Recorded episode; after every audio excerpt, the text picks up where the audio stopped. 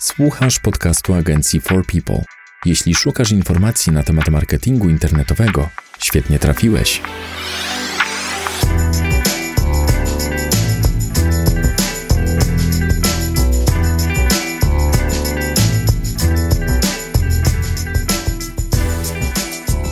Potrzebujesz skutecznej reklamy internetowej? Odwiedź naszą stronę forpeople.pl. Cześć, dzień dobry, z tej strony Łukasz Migura. i Paweł Pawlak. Witamy Was w siódmym odcinku podcastu nagrywanego przez katowicką agencję marketingu internetowego For People. W tym odcinku chcielibyśmy podjąć temat przygotowywania treści na stronę oraz znaczenia samej treści przy pozycjonowaniu i wszystkich innych działaniach marketingowych. Zacznijmy może od tego, po co tak naprawdę rozbudowywać treści. Powodów na rozbudowę treści jest wiele.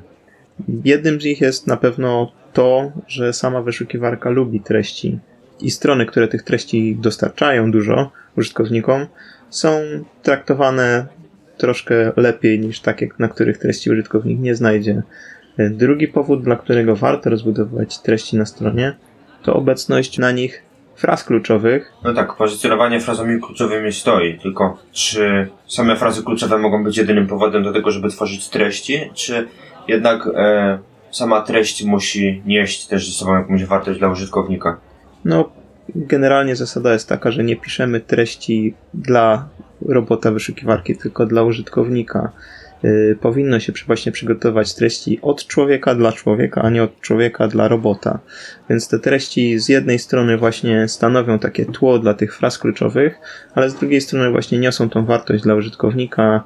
Mm, Tutaj odpowiadają na pewne pytania, mm, pokazują cechy produktów, cechy usługi, Yy, No i różnego ro- rodzaju właśnie tego typu informacje, które wzbogacają po prostu mm, ten odszukany przez użytkownika wynik. W każdej postaci treści działają na korzyść strony internetowej, to znaczy jest tak, że każda strona czy podstrona danego serwisu powinna zawierać jakiś tekst. Wydaje mi się, że nie. Mm, Z racji tego, że jak wiadomo, każda strona ma swój crawl budget, czyli jest to czas, który wyszukiwarka jest w stanie poświęcić na przeskanowanie tej strony. Jeżeli treść zamieścimy na każdej podstronie, no to ten crawl budget możemy zmarnować. Okej. Ale z drugiej strony też, jeżeli nasza strona jest odpowiednio duża, może się okazać, że po prostu robot wyszukiwarki nie przekrauluje całej, całej tej treści, no bo, bo po prostu ten crawl budget zostanie wcześniej wyczerpany.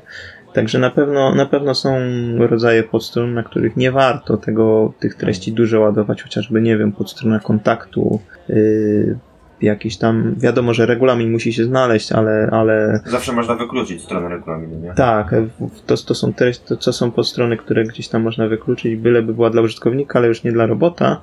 Natomiast no, z pewnością są po prostu takie strony, na których ta treść nie jest konieczna, a przynajmniej nie jest konieczna, żeby pokazywać ją robotowi. A Jak zabrać się za rozbudowywanie treści, na których podstronach się skupić i jakby co w pierwszej kolejności optymalizować pod kątem treści? Przede wszystkim wszystko jest uzależnione od tego, czy oferujemy usługi, czy produkty. Wiadomo, jeżeli mamy sklep internetowy, no to jakby warto zacząć od analizy, jakie mamy kategorie, jakie mamy podkategorie, y, ponieważ w przypadku produktów najczęściej jest tak, że no, e-commerce no to są duże strony. Przeważnie tych produktów są setki, jeżeli nie tysiące, więc przygotowywanie treści dla setek czy też tysięcy produktów, bądź też rozbudowa nawet o 500 znaków, to jest niesamowicie dużo czasu do poświęcenia na to. Mm, Niesamowicie duży nakład pracy. Y, A widać też po prostu, że często sklepy zaopatrując się w jakichś hurtowniach w te same produkty, kilka sklepów zaopatrujących się w te same produkty, kupuje te mm, opisy produktów wprost od producenta, czy też z samej hurtowni i jakoś sobie radzą, prawda? Więc tutaj na tym poziomie produktów oczywiście fajnie byłoby zrobić tą unikalność i rozbudowane treści inne niż konkurencja, natomiast zdaję sobie sprawę, że może być to trudne, Dlatego moim zdaniem warto zacząć właśnie od tego poziomu wyżej, czyli od opisów podkategorii, opisów kategorii. Okej. To są doskonałe miejsca właśnie na to, żeby opisać oferowany produkt, bądź też oferowaną usługę, bo też są strony, które są dość rozbudowane, natomiast świadczą usługi. Yy, Wykorzystać właśnie frazy kluczowe i w przypadku podstron kategorii produktów to jest dobre miejsce, żeby użyć liczby mnogiej danych produktów, prawda? Czyli yy, powiedzmy opony, yy, kosmetyki, prawda? Jasne, no bo tak, w sumie jak jest pojedynczy produkt, to tam już skupiasz się na określonym. Zanim cię zapytam o to, tak, ile tak naprawdę treści trzeba umieścić na podstronach kategorii czy, czy podkategorii, powiedz mi tylko, jak podejść do kwestii unikalności tekstów na stronach produktów? Jak można to zrobić tak, żeby nie bawić się w tworzenie osobnych opisów do setek, czy tam nawet tysięcy produktów, czy jest jakaś metoda automatyzacji, czy da się jakoś e, zawalczyć o unikalność e, w przypadku podstron produktów? Na pewno sposobem na, na walkę z taką unikalnością jest po prostu przygotowywanie podstron dla konkretnego produktu, a wykorzystanie tych wariantów kolorów nie jako osobne podstrony, tylko po prostu jako powiedzmy jakiś filtr, ale w obrębie tego samego adresu, który na przykład po wyborze czerwonego, zielonego, niebieskiego koloru zmieni nam na przykład tylko grafiki na odpowiedni kolor. Natomiast no, nie będzie tutaj tego problemu, że buty w kolorze czerwonym duplikują treść butów w kolorze zielonym, bo jakby będziemy mieć tylko jedną podstronę danych butów z, z wyborem y, wariantu kolorowego. Wiadomo, że jeżeli mamy właśnie buty w dwóch różnych kolorach, y, ale jest to ta sama marka, ten sam model, no to siłą rzeczy nie opiszemy ich inaczej. No jasne. W sumie tak się o to pytam, bo też spotkałem się z problemem duplikacji treści w obrębie produktów e, wśród różnych stron i ja jestem też fanem podejścia technicznego, czyli edycji strony pod kątem właśnie doboru filtrów i wyświetlania innej zawartości w nagłówkach. Powiedz mi, czy da się wypozycjonować sklep internetowy, jeśli chodzi o produkty, bez w ogóle dodawania opisów e, tych produktów? Myślisz, miałeś jakieś takie przykłady, gdzie dało się pozycjonować właśnie sklep bez walki o te treści na stronach produktowych? Tak, jak najbardziej. No, szczerze powiedziawszy, jeżeli, jeżeli wpiszemy nawet jakąś frazę kluczową i pojawiają się w wynikach wyszukiwania na pierwszy, w pierwszej dziesiątce jakieś sklepy, to najczęściej jest tak, że właśnie to są opi- produkty opisane w ten sam sposób, więc po prostu tutaj ta walka jest przenoszona na inną płaszczyznę. Przede, przede wszystkim y, na linkowanie, na optymalizację innych elementów, Okej. y, jakieś linkowanie wewnętrzne, mm, a nie właśnie na samą unikalność treści. A co z user-generated content, czyli z komentarzami? Warto je dodawać na stronach produktów? Myślisz, że da się tym zawalczyć, jeśli chodzi o treści na stronie? Tak, jeżeli mamy user-generated content, to jest właśnie doskonały sposób na nadanie treści na danej podstronie unikalności, bo jeżeli mamy produkt taki sam jak powiedzmy u 10 konkurentów, jeden jest opisany tak samo, ale do naszego opisu produktu dochodzą jeszcze właśnie jakieś komentarze, no to jest jakby dodatkowo zwiększa unikalność i na dobrą sprawę procentowy udział tego skopiowanego fragmentu chociaż nie, nie tyle skopiowanego, co duplikowanego fragmentu na innych podstronach, zmniejsza się, bo zwiększa się udział y, tej treści generowanej przez użytkowników. Jasne, ja ze swojej strony też mogę jeszcze dodać taką sztuczkę, żeby na stronach produktów umieszczać jak najwięcej takich elementów jak polecane produkty. W ten sposób też jeszcze można i zwiększyć wewnętrzne linkowanie i dodatkowe treści. A wracając do samego tematu treści, powiedz mi, czy jest jakaś określona liczba znaków, którą należy dodawać na stronach, czy do produktów, czy kategorii i podkategorii? To zależy. Tradycyjna odpowiedź każdego pozycjonera na większość zadawanych pytań. Yy, Na dobrą sprawę nie ma takiej optymalnej ilości, bo czasami jakby dla mnie zasadą jest yy, wyczerpanie tematu, a przynajmniej jak możliwie jak najlepsze wyczerpanie tematu dla danego zapytania bądź możliwych zapytań. Y, i przez wyczerpanie tematu rozumiem tutaj właśnie odpowiedzenie na najważniejsze pytania w kontekście powiedzmy danego produktu, danej usługi. Y, no i w niektórych przypadkach może to być 2000 znaków, w niektórych może być to 1500 znaków, a w niektórych może być to 10 tysięcy znaków. Mm, na pewno istotnym czynnikiem jest właśnie nie taki czynnik, nazwijmy go techniczny czy rankingowy, a, te, a raczej taki czynnik powiedzmy behawioralny, Okay. czyli należy znaleźć taki złoty środek pomiędzy tym, co dobre dla wyszukiwarki, a tym, co dobre dla człowieka, bo jeżeli ktoś szuka wspomnianych wcześniej butów, powiedzmy do biegania i pierwsze, co spotka na podstronie kategorii mm, butów do biegania, to będzie ściana tekstu, to no, nie przeczyta go.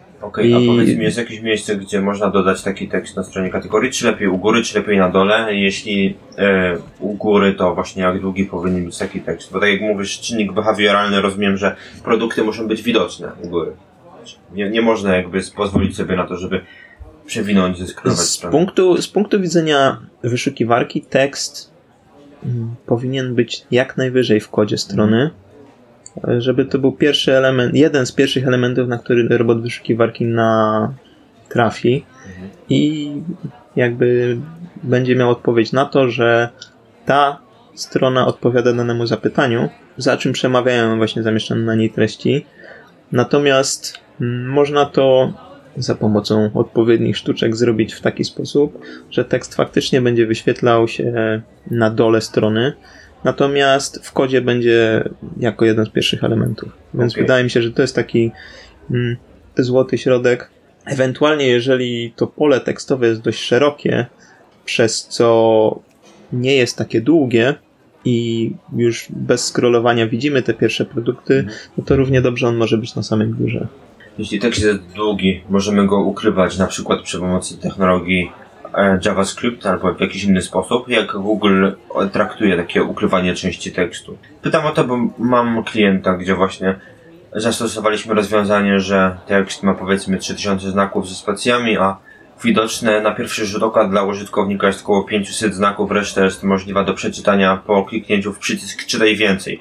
Tak naprawdę wczytuje się całe pole tekstowe od razu, ale ono jest ukryte wizualnie i jak myślisz, jak Google może rea- reagować na takie, na takie praktyki? Czy to nie będzie traktowane jako ukrywanie treści? Na pewno negatywnie Google może reagować na takie praktyki jak y, kolor treści w tym samym kolorze co kolor tła, jakieś super małe czcionki typu 2 piksele, bądź właśnie wszelkie tego typu sztuczki. Na przykład teraz spotkałem się z tym, że po prostu ciąg znaków był y, y, opisany jakby w koło, w koło strony, czyli tekst, y, strona była obramowana frazami kluczowymi w bardzo małej czcionce, czego nie było widać, no ale było to ewidentnie keyword stuffing. Natomiast właśnie zastosowanie technologii typu JavaScript i od, od, odkrywanie tekstu po kliknięciu w przycisk, moim zdaniem, no jest to jak najbardziej prawidłowe rozwiązanie. Mm, Jakby z jednej strony te pierwsze akapity wprowadzają użytkownika, jeżeli ktoś jest za, zainteresowany dalszą treścią, to wtedy po przekliku dostaje mm, resztę treści. Natomiast robot wyszukiwarki renderując daną stronę, on już tak czy tak widzi w kodzie stronę. On, robot wyszukiwarki nie patrzy na stronę wizualnie, tylko można powiedzieć kodowo.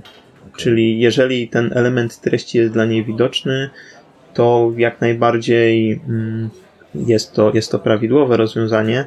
Wydaje mi się najważniejsze tutaj jest to, aby najważniejsze informacje zamieścić właśnie w tym nieodkrytym akapicie, Okej.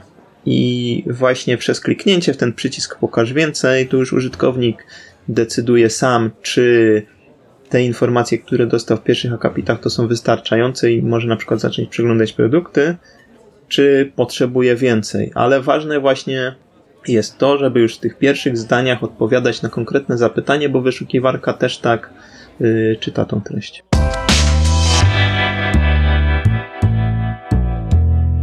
To jest podcast agencji For People, dedykowany przedsiębiorcom i wszystkim miłośnikom marketingu internetowego. Jeśli klient ma sklep internetowy i nie jest zwolennikiem dodawania zbyt długich opisów do, kategor- do, do kategorii czy podkategorii. Jaki inny sposób jest na budowanie treści, budowanie widoczności w wyszukiwarce?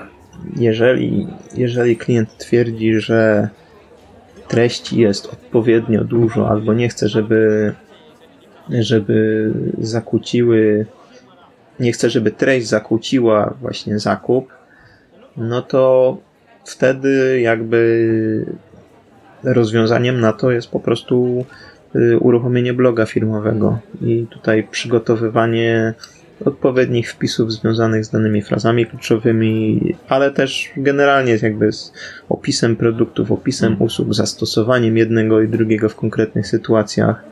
Y, Więc jakby blog firmowy jest takim właśnie narzędziem, które dodatkowo pozwala rozbudować treści na stronie, a to jest właśnie to, co wyszukiwarka lubi najbardziej. Okej, e, takie pierwsze pytanie, z którym ja się spotykam właściwie za każdym razem. Blog w domenie czy w subdomenie? I jeśli w domenie, to czy na WordPressie? Bo wiem, że klienci boją się WordPressa w domenie, jeśli mają sklep internetowy.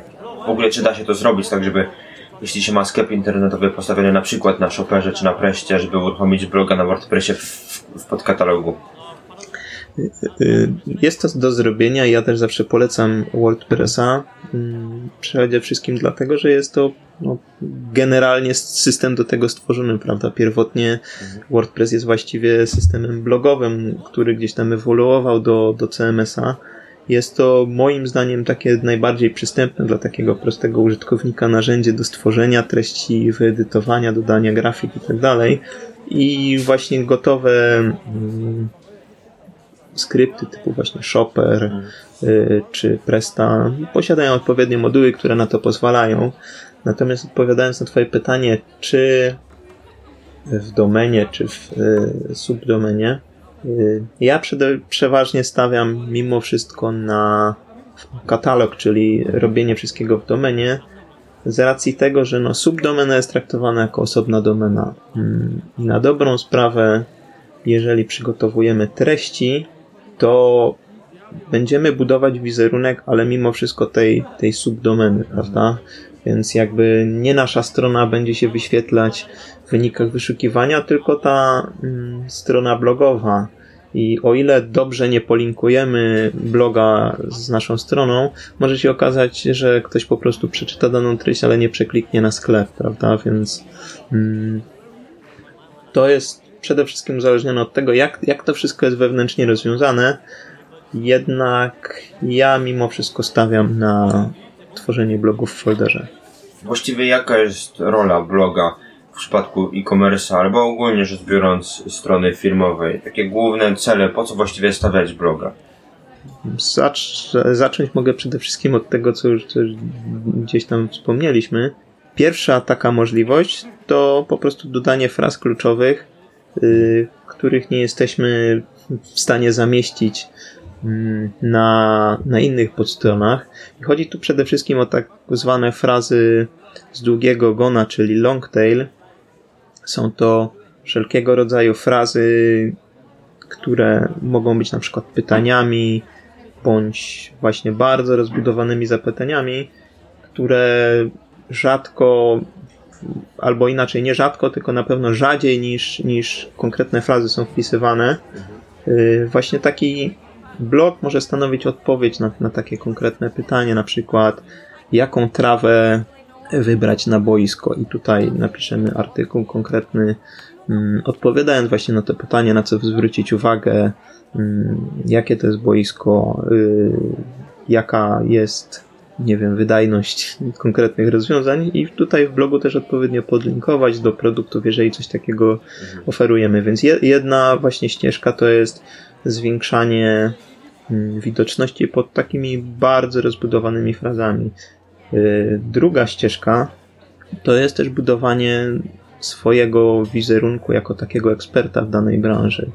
Mm, Odpowiadamy tutaj na konkretne pytania, pokazujemy y, produkt, jak, jak go zastosować w konkretnych sytuacjach.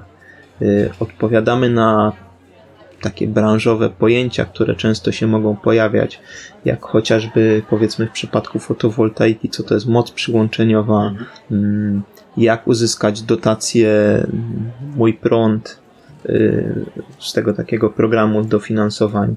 No nie są to na pewno frazy, które gdzieś tam mogą się znaleźć w treści, ale już, już y, przygotowując pod to odpowiednio wpisa blogowego, y, możemy na pewno odpowiedzieć tutaj na te, na te pytania. Czyli możemy tworzyć treści tak naprawdę nie tylko związane z produktami, ale i wokół całej tematyki. Dokładnie tak. Mm, równie dobrze możemy też od czasu do czasu pokazać, y, co u nas słychać, prawda? Czyli pokazać jaką, jakby taką ludzką stronę naszej firmy, ale też na przykład pokazać, że bierzemy udział w jakichś targach, gdzie nas można spotkać. Mhm. No i zawsze można się pozycjonować na nazwę tych targów. Dokładnie tak. Jakby to są moim zdaniem takie, takie trzy najważniejsze ścieżki.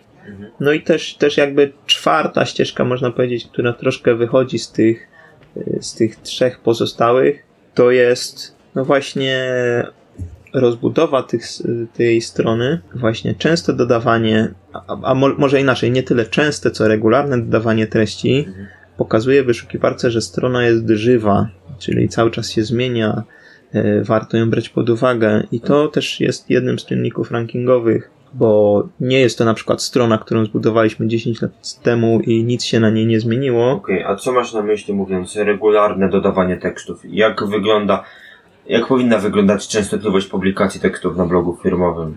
No tak na dobrą sprawę wszystko zależy od mm, specyfiki danej strony, specyfiki danej branży. Jeżeli strona jest duża, jest to jakiś duży e-commerce, no to jakby wydaje mi się, że, że już, już samą tą swoją wielkością, tymi nowymi produktami, które gdzieś tam się pojawiają, liczbą kategorii, pod warunkiem, że jest duża liczba kategorii, jest w stanie się obronić i tutaj można gdzieś tam te publikacje rzadziej, no i mniejsza strona i większe prawdopodobieństwo, że będzie taka powiedzmy mniej żywa, mhm. no to, to gdzieś tam ta częstotliwość powinna być większa, ale wydaje mi się, że tak optymalnie jest to powiedzmy raz na dwa tygodnie, w niektórych przypadkach raz na tydzień.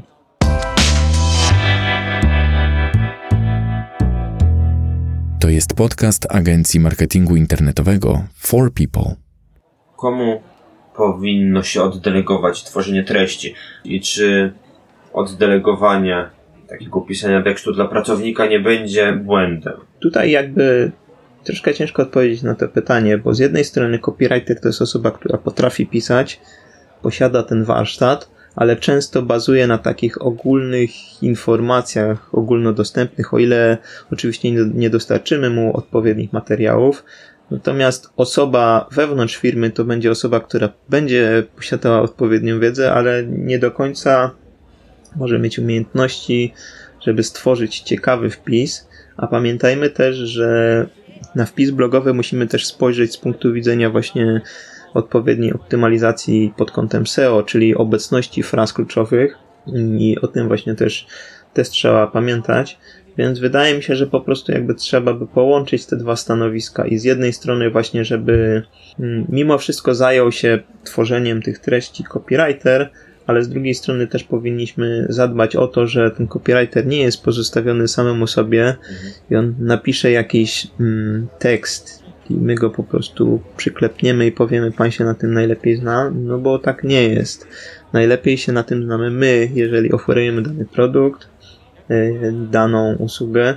Jeżeli coś jest bardzo nietypowego, no to istnieje prawdopodobieństwo, że copywriter dowiedział się o tym trakcie pisania tekstu o istnieniu czegoś takiego, więc no, na pewno będzie potrzebował takiej pomocy, tak zwanego fact-checkingu, czyli sprawdzenia, czy to, co napisał, nie odbiega od rzeczywistości, czy tak faktycznie jest, czy tutaj jakieś, nie wiem, mm, specyficzne y, jakieś parametry techniczne tutaj się zgadzają.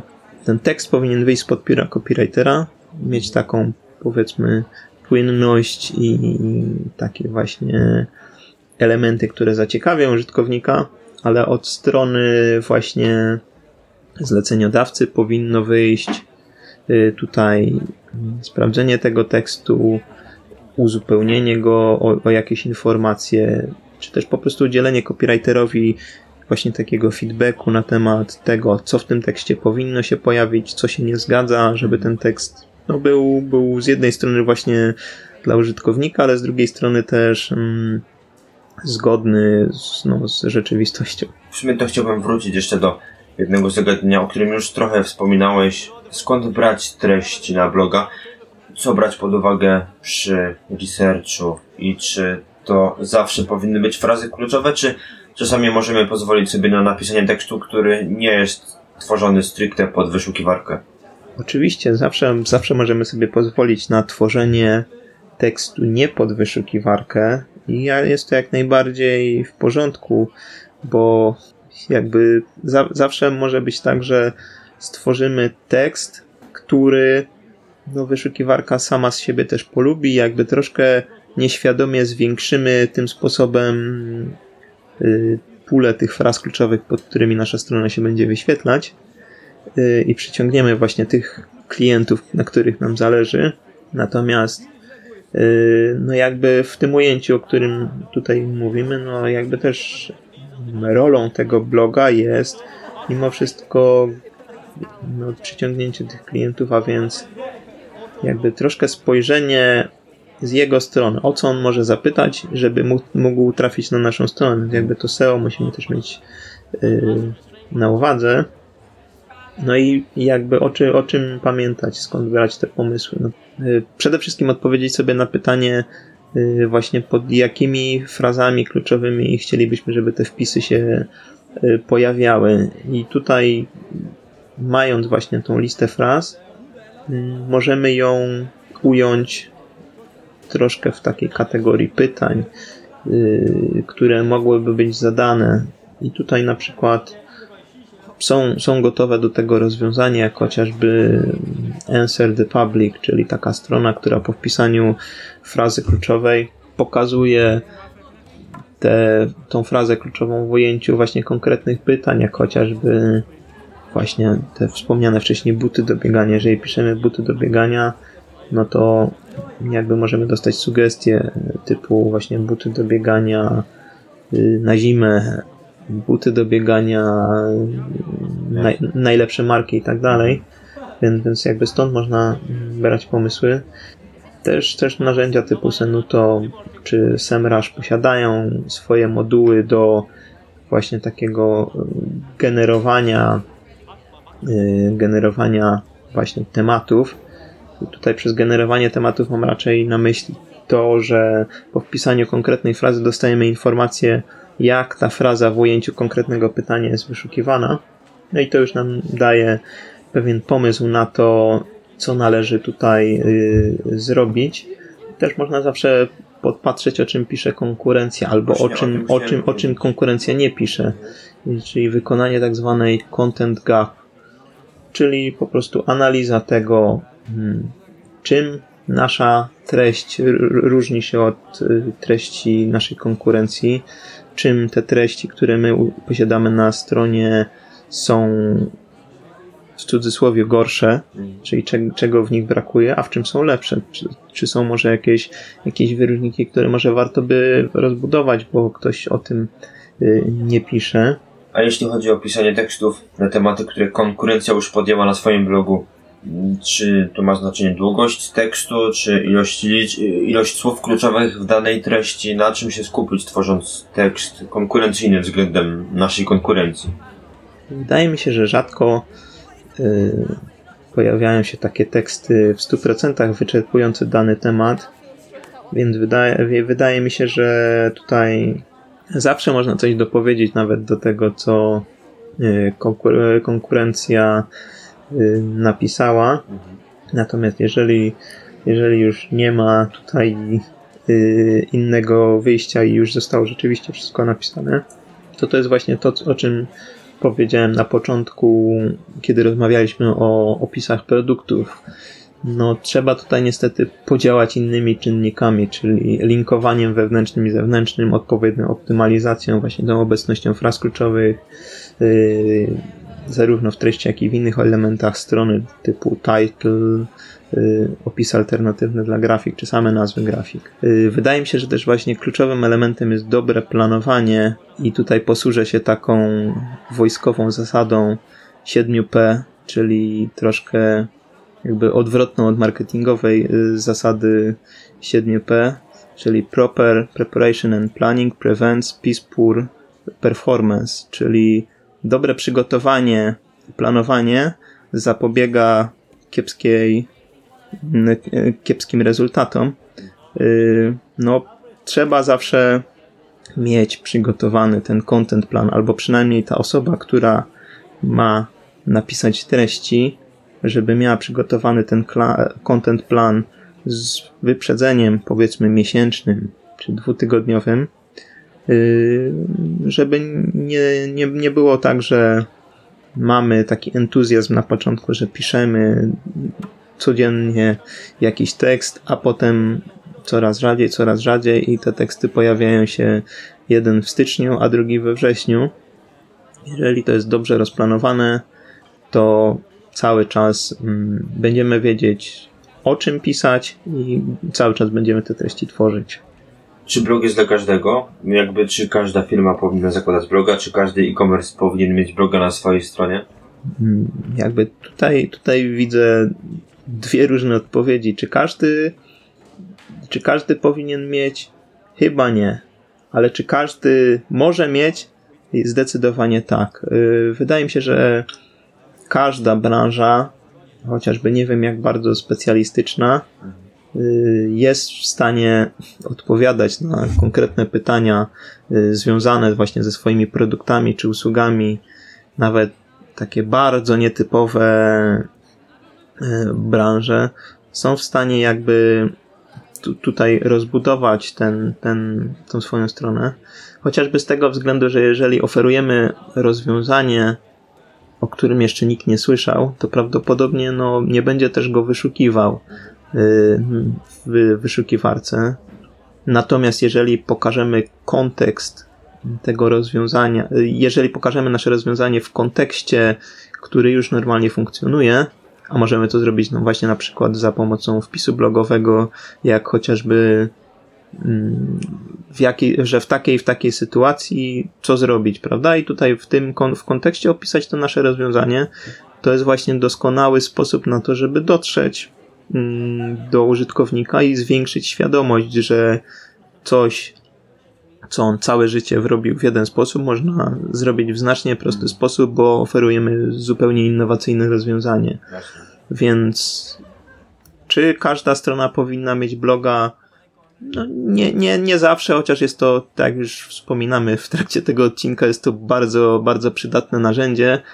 Natomiast nie jestem w stanie wymyślić hmm, branży, w której nie dałoby się stworzyć tego bloga.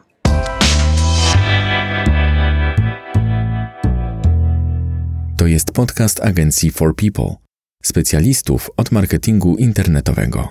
E, z racji na charakter naszej obecnej działalności tego, że nagrywamy, mam też takie pytanie, czy przygotowywać treści wyłącznie w formie pisanej, czy na przykład również w wersji mówionej? Myślisz, że dobrze jest rozszerzać działalność blogową właśnie o jakieś wersje czytane artykułów czy podcasty?